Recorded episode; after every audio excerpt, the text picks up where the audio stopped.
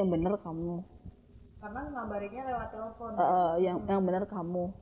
Bukan sama orang lain. Astagfirullah.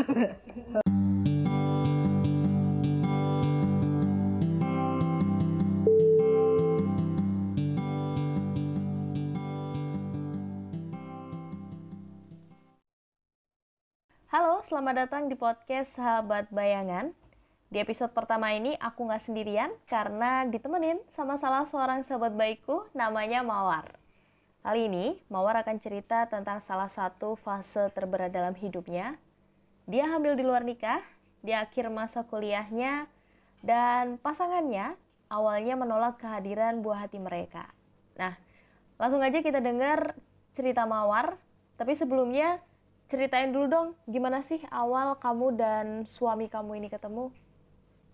Hmm, biasa karena seperti eh, orang-orang milenial pada umumnya, aku kenal eh, belahan jiwa belahan jiwaku dari media sosial. Eh, namanya Tinder. oke Tapi aku nggak pakai premium loh. jadi masih pakai yang ini ya masih bisa pakai fake foto ya Aduh ketahuan terus terus. Sebenarnya karena itu iseng aja sih. pakai Tinder? Iseng pakai Tinder karena kan hmm, apa ya kayak guyonan anak-anak kos gitu kan. Zaman kuliah ya Ah, zaman kuliah guyonan anak kos. Eh ada aplikasi baru nih ini apa ini apa cobain cobain. Eh caranya gini gini gini udah lucu. Lucu aja gitu kan buat bahan ejek-ejekan udah ketemu. Eh ternyata temennya dia itu eh, banyak kenalnya sama teman-teman aku. Dan ternyata kita masih satu inilah satu Circle. dunia lah satu circle. Eh, terus eh, biasalah eh, ketemu main ngobrol. Eh, kebetulan kenapa aku swipe kanan Eh, karena namanya dia lucu menurutku. Namanya dia lucu. Eh lucu namanya lucu udah. Jadi dari nama turun ke hati. Kan namanya lucu terus orangnya sebenarnya diajak ngobrol bukan nyambung cuman ngerasa kayak jadi kalian diem dieman pun juga tetap nyaman? Sepertinya itu yang terjadi. Oke. Aku nggak ngerti aku nggak ngerti bahasanya apa. Kadang kadang aku bingung sendiri gitu. Sangat berbeda dengan mantan mantan aku yang lain tapi bisa jadi dia adalah sebuah pelarian. Karena waktu itu habis putus. Mm-mm, karena habis waktu itu habis putus. Oh. LDR lah. Terus akhirnya ketemu si belahan jiwa ini yang ternyata diem dieman aja juga saling nyaman. Ha-ha. akhirnya memutuskan untuk pacaran. Sebenarnya kita tuh nggak ada kata pacaran sih waktu itu. Jadi eh, karena masa muda adalah masa yang menggelora. Oh yes. Dan masa-masa yang kita pengen bebas sebenarnya. Aku juga pengen cuman eh, entah kenapa laki-laki itu sepertinya tidak ingin hubungan yang komitmen nggak pengen nggak pengen hubungan yang be- be- oke mereka bebas cuman nggak pengen yang aku bebas kamu kamu cewek kamu jangan bebas dong. Gitu gitu loh. Oh, maksudnya dia sebagai laki-laki bebas tapi memandang perempuan kamu kan perempuan jangan terlalu bebas gitu. Ah, ah. mungkin mungkin untuk temennya mungkin untuk temennya itu terserah tapi eh, aku akhirnya menangkap itu ketika eh, dia deket nih sama aku. Aku kan deket sama beberapa cowok cuman ya gitu temen temen biasa temen.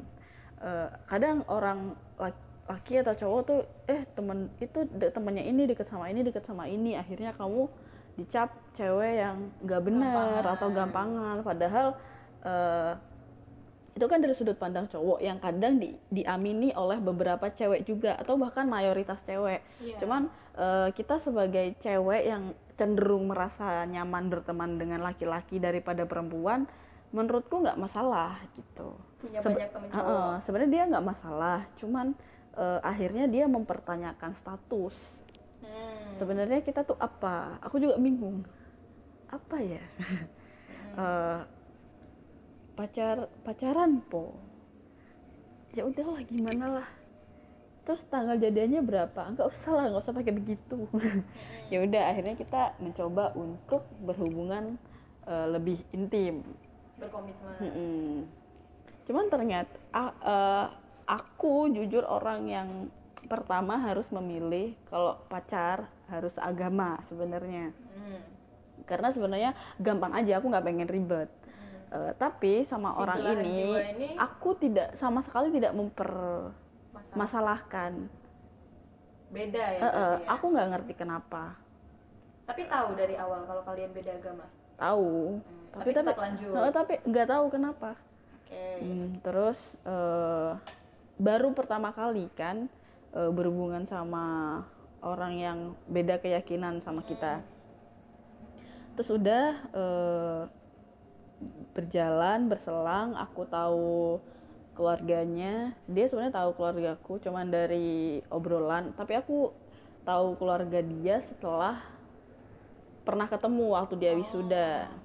Nah di situ orang tuanya tahu aku Islam, terus akhirnya dia eh, kayak kalau bisa eh, jangan cari yang seiman gitu-gitu lah. Terus akhirnya mulai renggang nih hubungan nih. tapi belum putus Belum, dia nyari eh, orang lain yang seiman gitu-gitu.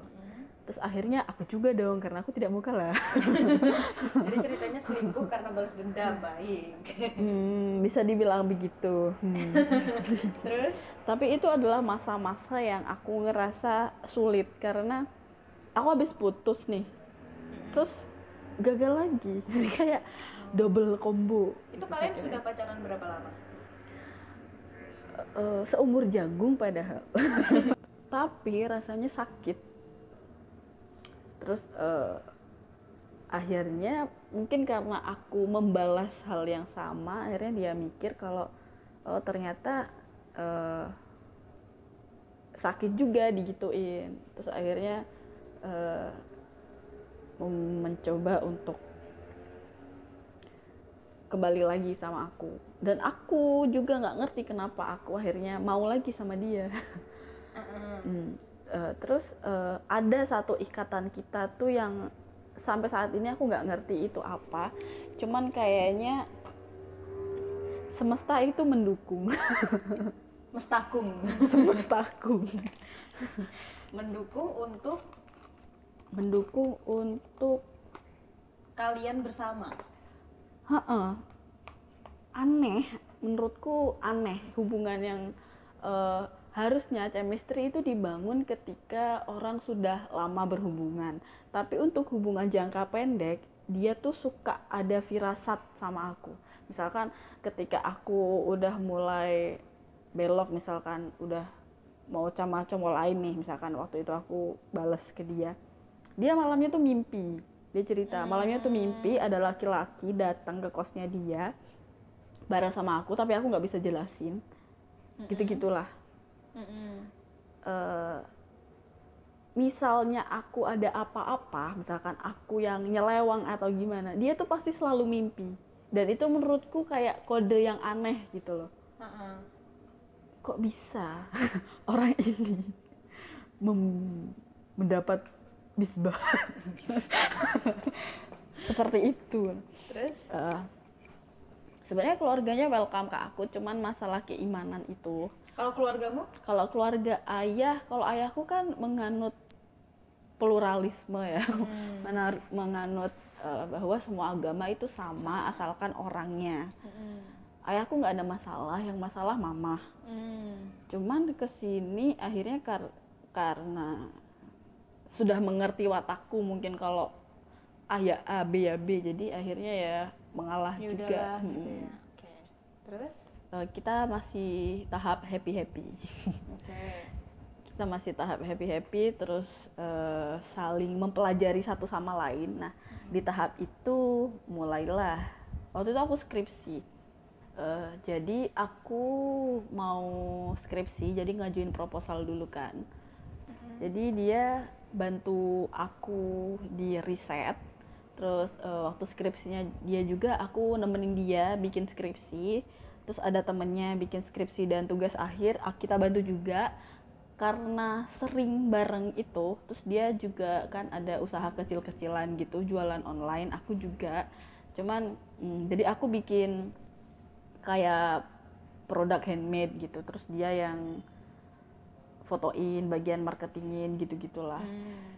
akhirnya kita kan eh, hampir setiap hari ketemu hampir setiap hari komunikasi cuman komunikasinya ya di seputar-putar itu belum ada percakapan yang lebih dalam ke arah serius atau ke arah eh, ideologimu apa Cuma masalah Iya. karena kalian sama-sama dari satu dunia yang sama ya. dan di dunia yang sama dari kuliah di jurusan yang sama. Mm-mm. Tapi beda ini ya, beda kampus ya. beda kampus Oke.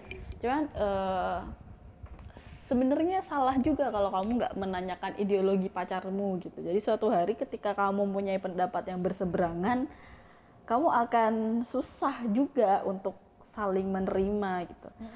Pada awalnya pasti bakal kayak oh aku yang benar kamu yang salah. Ternyata hingga eh, su- iya hingga suatu titik akhirnya aku menyadari bahwa eh, ideologi itu nggak harus sama untuk saling bareng Mm-mm. Eh, Ternyata kenapa ideologi kalian beda. beda Eh, kenapa harus sama orang agamanya kita aja nggak sama apalagi dia percaya flat earth aku percaya bumi Oh, iya. bulat Oke, jadi si belahan jiwa ini penganut bumi datar ya. Nah, aku kan penganut bumi bulat Eh, Oke. kalau dilihat dari feng shui pun kayaknya kita nggak cocok Dari weton Jawa juga nggak cocok ya sebenarnya. tapi itulah yang Tapi kenyamanan mengalahkan segalanya. Dan aku nggak ngerti eh, nyaman itu datangnya dari mana terus kenapa harus sama orang ini? Ha- harusnya kalau memang udah nggak cocok ya udah gitu. Hmm. tapi ada satu komitmen atau ada satu hal yang membuat aku tetap bertahan kayaknya ya udahlah. Setelah kita dalam masa saling menemukan itu eh delalah muncul sesuatu karunia yang datang tidak tepat pada waktunya Mm-mm. Hmm. apa nih nyebutnya MBA mungkin ya Oke. waktu itu MBA Pertama tahu kalian tapi masih pacaran. masih Mm-mm. masih pertama aku Itu curiga Itu waktu kamu skripsi ya, dia udah lulus. masih skripsi sih masih awal tahap awal skripsi masih bab pertama dia udah lulus udah diterima kerja di salah satu kota Oh berarti kalian LDR, beda Hmm, kota. hmm, hmm, beda kota nih Hmm. Terus? Nah, sebenarnya kalau misalkan aku nggak sampai MBA, mungkin bisa jadi kita udah bakal kayak cerita yang kemarin lagi LDR nih. Aku tidak sanggup. Oh, tantangannya terlalu banyak ya. Mm-mm, mm-mm, mm-mm.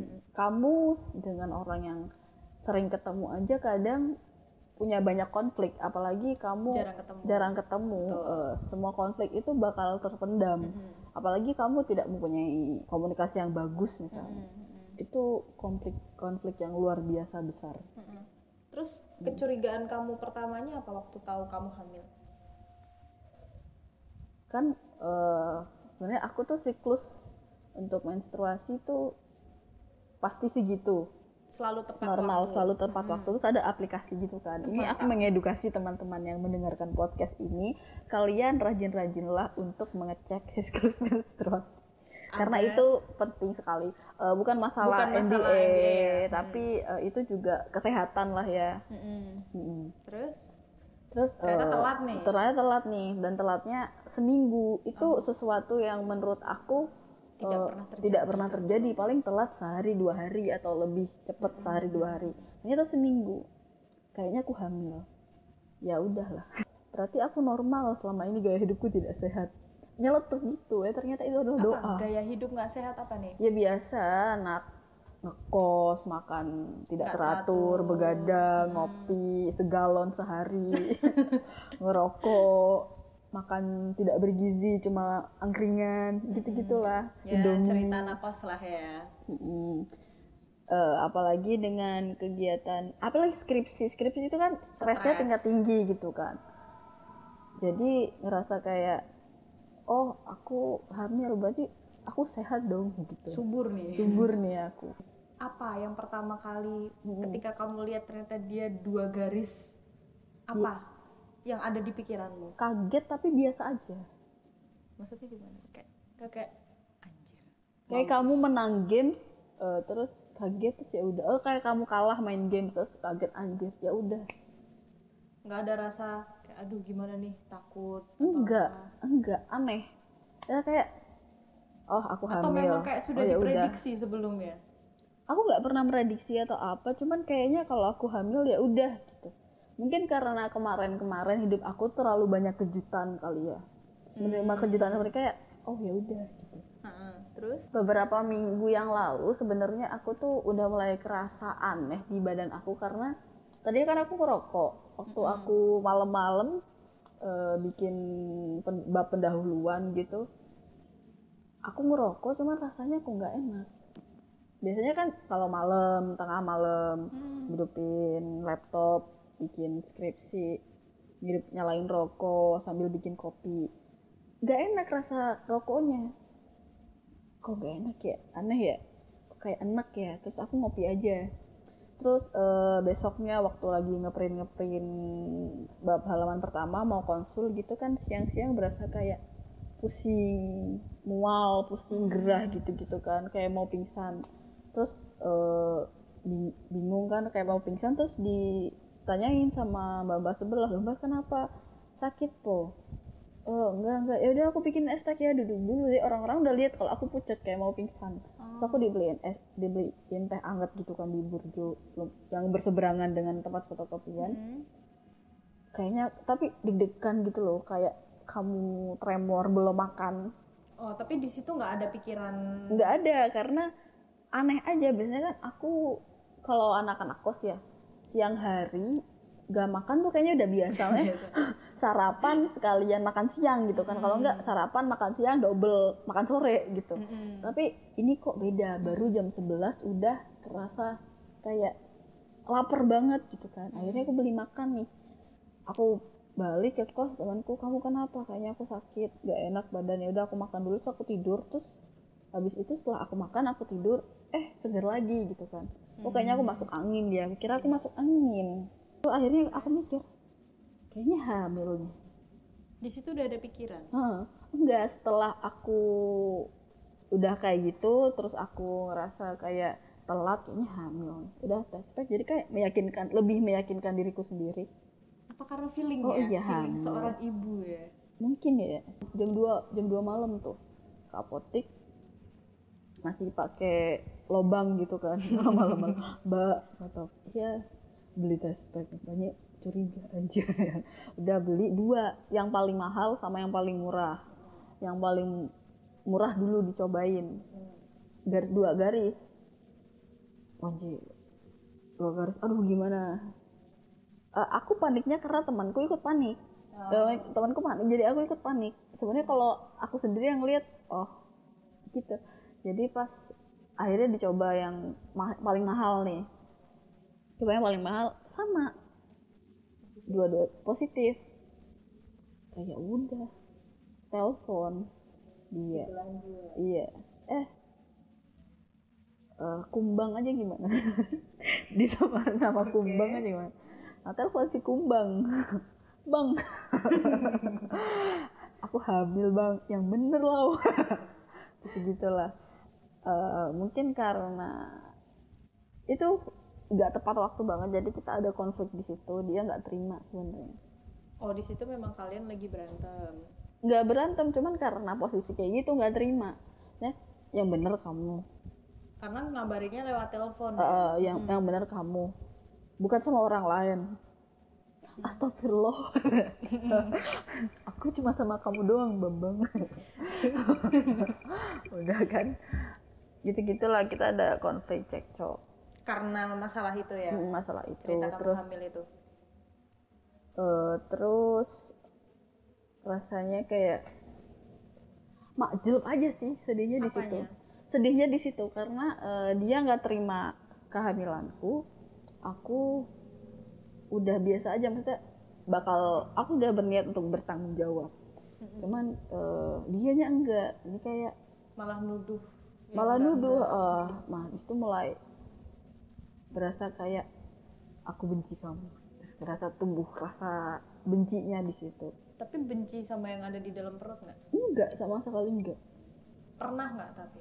enggak karena aku menyadari itu kan keputusan kita bersama seharusnya aku benci adalah kalau dia yang nggak tanggung jawab masalah ya? iya masalah eh, janin di perut aku itu kan persetujuan. Dia nggak salah apa-apa lah.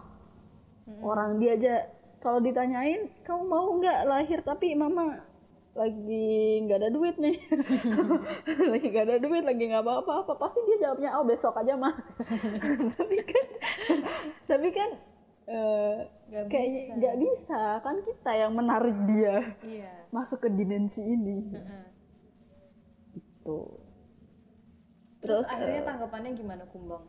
Oh itu masih dalam masa percocokan kita. Cuman kita ada project bareng sih. Mm-mm. ada project bareng ketemu. Cuman itu gitulah. Gimana sih gimana kalau kamu digugurin aja dulu? Oh sempat.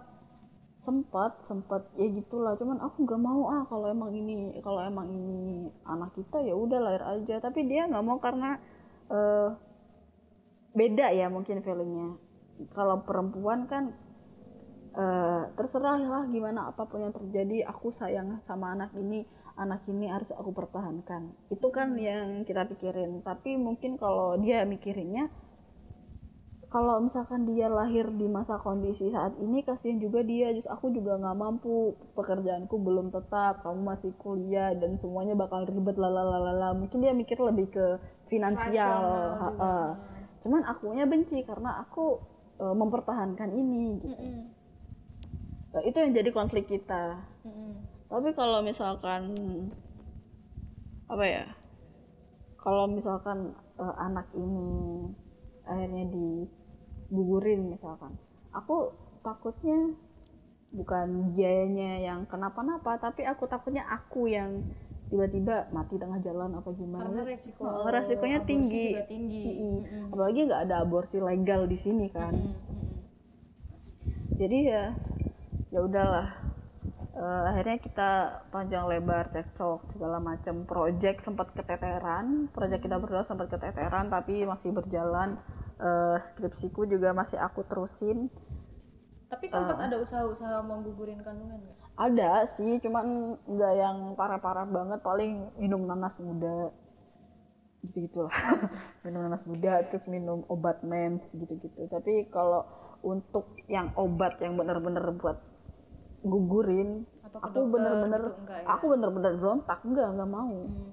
Itu pun dilakukan cuma buat biar kumbang tenang gitu. iya eh, it- itu pun aku sambil berdoa kalau kamu jadi jadi ya kamu kuat. Oh, Gitu-gitu. Jadi nggak ikhlas ya. jadi aku aku yang nggak ikhlas. Jadi kayak aku tuh nggak apa-apa kamu ada di aku. Makanya aku tuh nggak apa-apa dikasih kamu. Cuman eh, kalau ya udahlah ini maafin aku ya. Maksudnya ma maafin mama gitulah.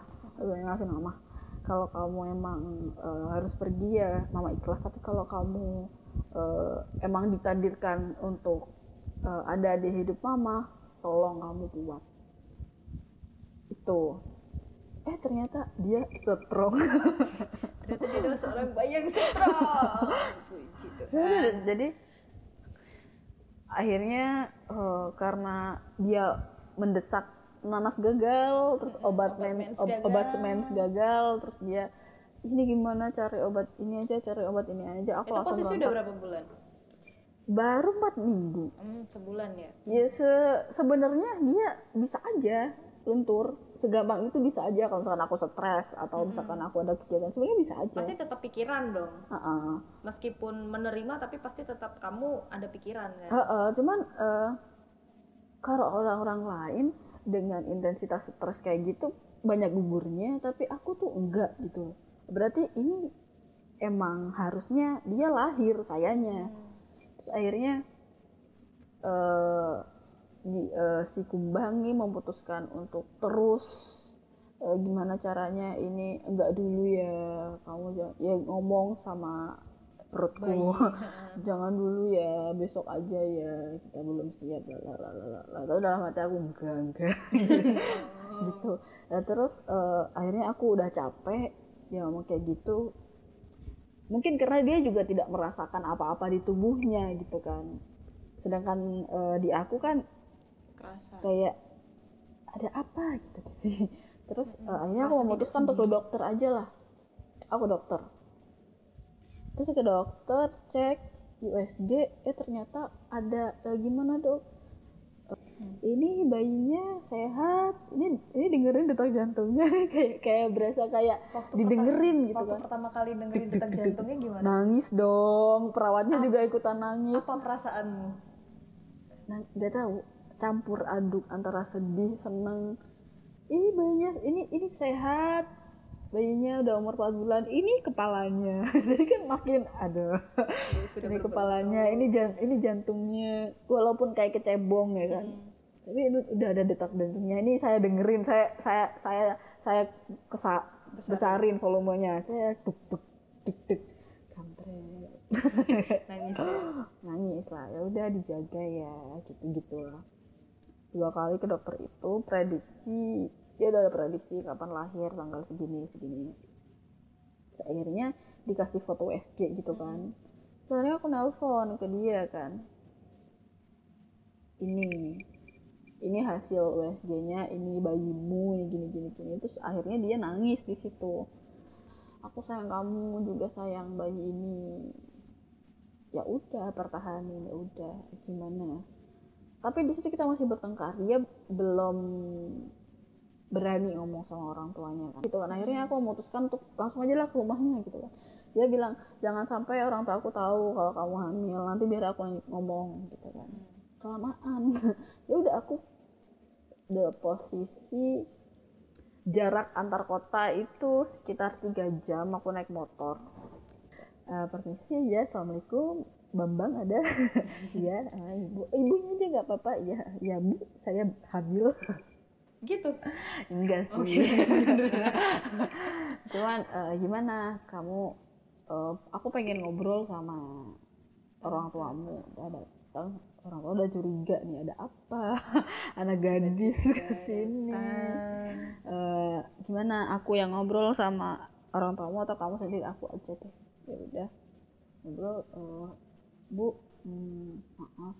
Mawar hamil. Langsung gitu berderai air mata pasti lemes nggak udah emang lemes. Jadi gimana? Ya udah lamar aja nih anak anak orang. Akhirnya ya udah besoknya langsung lamaran ke rumahku. Lah orang tuamu nggak kaget? Tiba-tiba ada kaget dong. keluarganya. Berarti kamu Kaget belum sempat dong. kasih tahu orang tuamu tapi keluarganya kumbang tiba-tiba datang gitu. Mm-mm, mm-mm. mengejutkan. Mengejutkan. Jadi eh, jarak antara tempat tinggalnya si kumbang dan tempatku tuh 12 jam lah. Ini beda provinsi gitu. Terus eh eh, ya eh, mawar mau ke sana. Oh iya saya masih berenang. Santai ya? Udah sampai rumah. Loh kok rapi? Kok bawa oleh-oleh? Tapi waktu ayah tahu kamu hamil gimana nggak bilang. Oh, nggak belum bilang. tahu? itu belum tahu. Aku nggak ngerti eh, gimana mereka ngobrolnya. Cuman cuman nggak bilang. Terus eh, aku waktu balik ayah eh, sms gitu kan. Kamu kok nggak bilang kalau kamu dilamar? Kalau gitu ini apa? Kalau gitu siap-siap dulu. Siapin dulu. Aku nggak ngasih alasan gitu kan. Karena aku masih ngerasa kayak ini tuh kecepatan. Jadi aku nggak nggak punya pikiran ke situ. Terus eh, iya ya maaf aku hamil bilang gitu. Iya ayah sudah tahu. Oh, ya udah terus akhirnya kita menikah. Waktu aku hamil udah sekitar 4 apa lima bulan. Ya menikah menikah aja.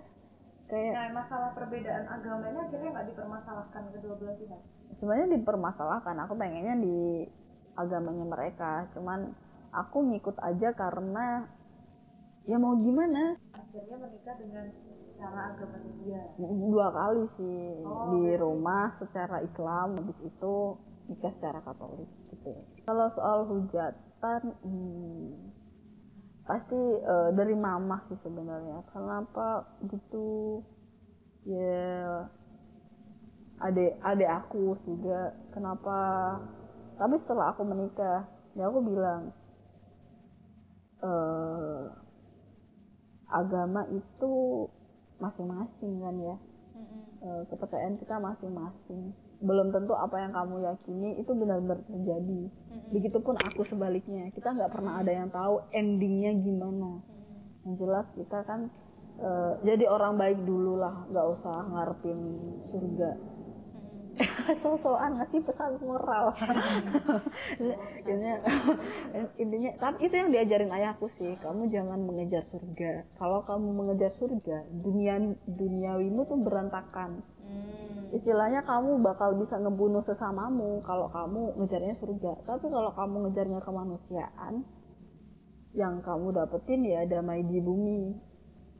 Surga itu bonus lah Terus akhirnya kan kalian menikah. Teman-teman pasti banyak yang kok tiba-tiba. iya heeh. Apalagi masih skripsi. Iya, Perut yang membesar, apalagi skripsi kalau di dunia rekam kan agak ekstrim ya. Skripsinya bukan beda lah sama skripsi-skripsi kita yang kuliah misalnya kayak manajemen, akuntansi, komunikasi itu pasti beda. Di situ ada omongan-omongan gitu aku, dosen. eh, eh, eh, aku sih tutup telinga ya Tapi ada pasti. ada tutup telinga cuman aku nggak ngerti kenapa kondisi itu aku benar-benar eh, nggak peduli omongan orang sih Eh, aku yakinnya kayak orang itu cuma bisanya ngejudge, bisanya ngobrol, bisanya apa terus kalau lalalili biarin aja. Yang penting yang penting kita jalan ke depan. Tapi sempat ada kayak penyesalan. Nyeselnya sih mungkin karena eh, gini. Masa muda harusnya gitulah foya-foya. Masa muda foya-foya, bahagia, tua kaya raya, mati masuk surga.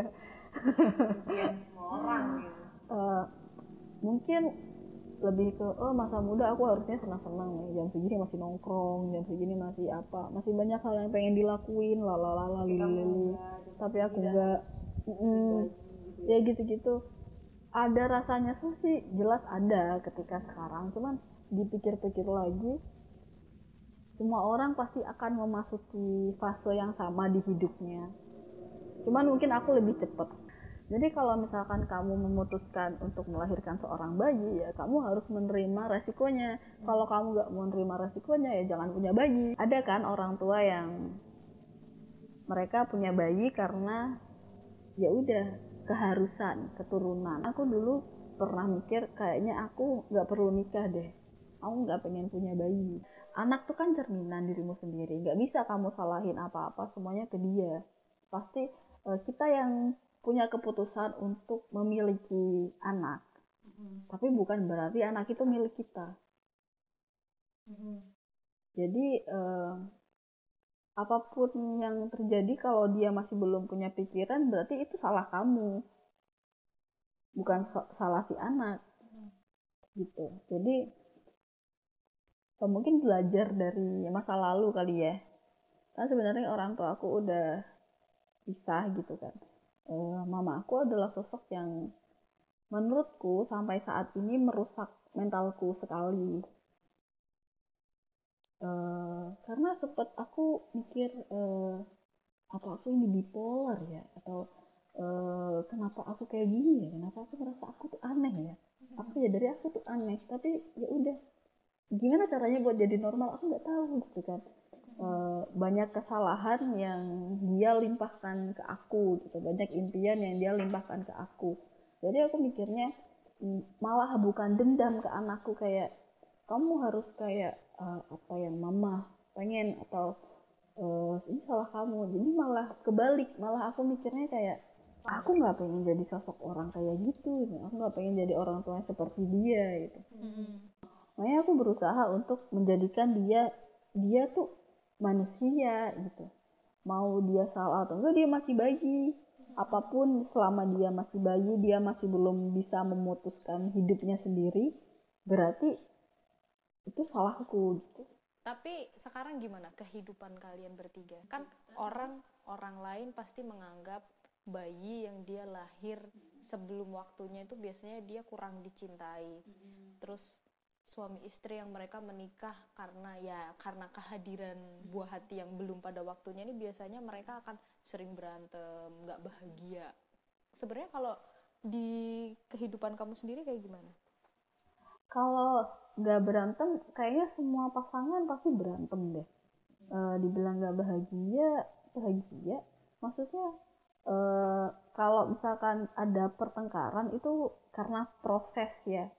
Karena proses kita kayaknya eh, masa perkenalan yang belum terlalu lama eh, banyak beda ideologi banyak beda pendapat yang dia itu yang dia percaya bumi datar aku percaya bumi bulat dan lain-lain dan lain-lain.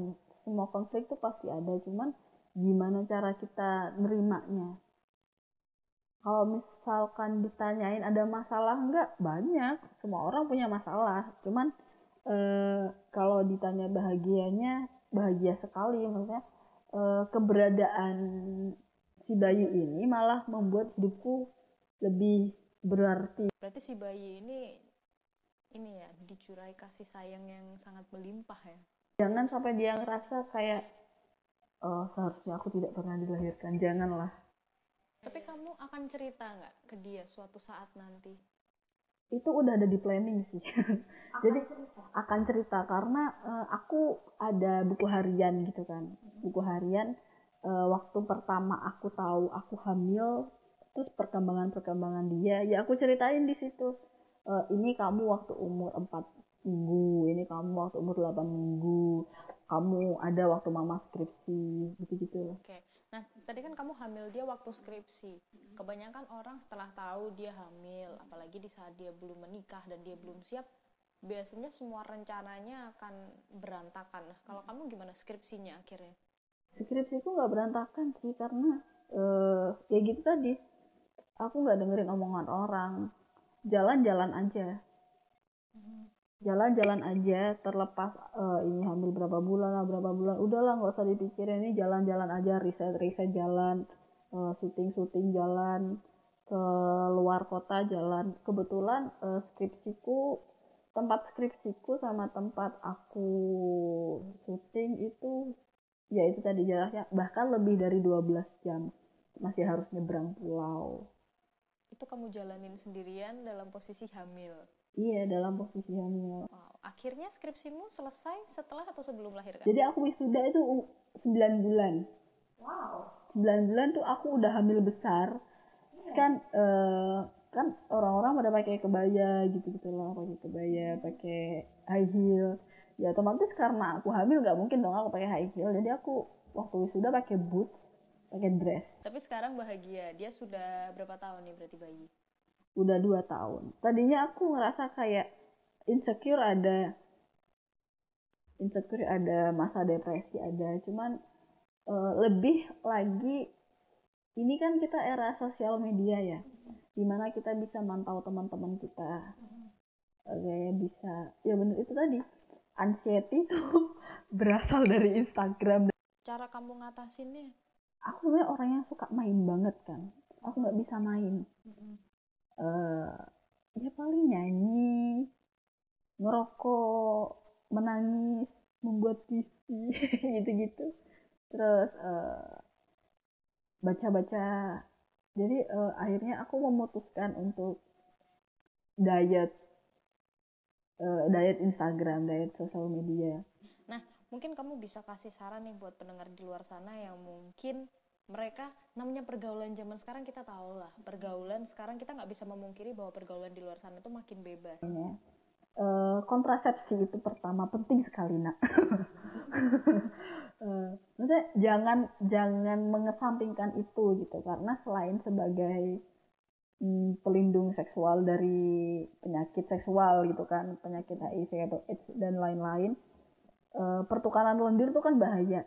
Gak cuma itu kadang orang flu atau orang batuk aja kan juga bahaya walaupun lendirnya muncrat-muncrat apalagi pertukaran pertukaran lendir yang seintim itu.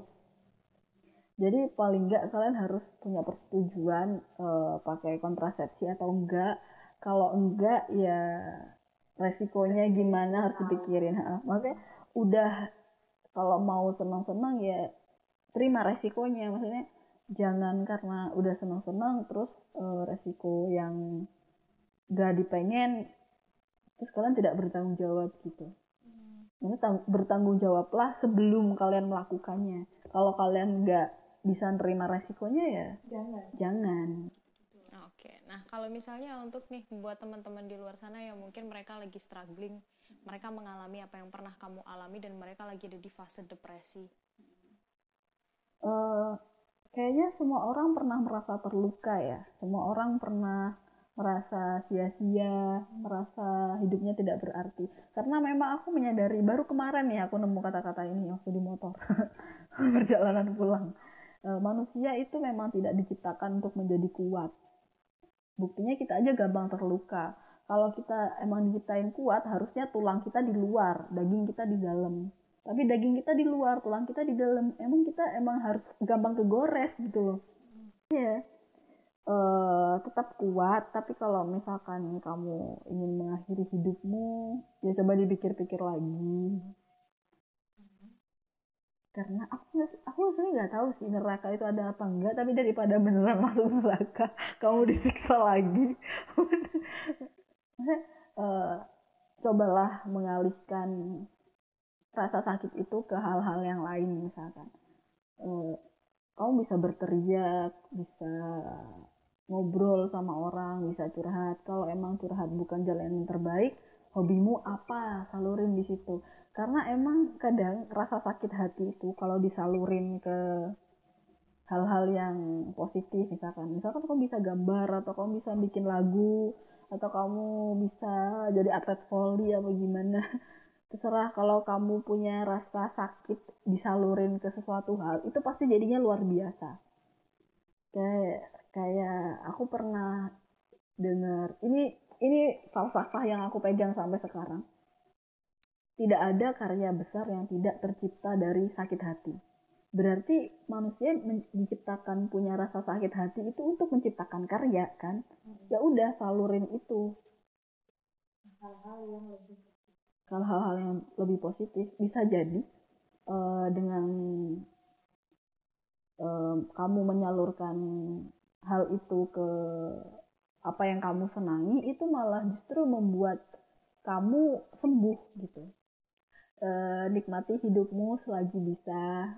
Kurang-kurangin membandingkan hidupmu dengan orang lain karena kamu punya fase-fase sendiri di hidupmu yang jatuh berdiri atau apalah semua orang pasti punya fase-fase yang seperti itu kalau kamu sakit kamu gak sendirian tapi kalau kamu happy kamu hati-hati Hmm, kalau kamu sakit kamu nggak sendiri, kalau kamu happy kamu hati-hati. Oke, thank you Mawar buat waktunya sharing sama teman-teman. Semoga bisa menginspirasi dan sampai jumpa di episode berikutnya.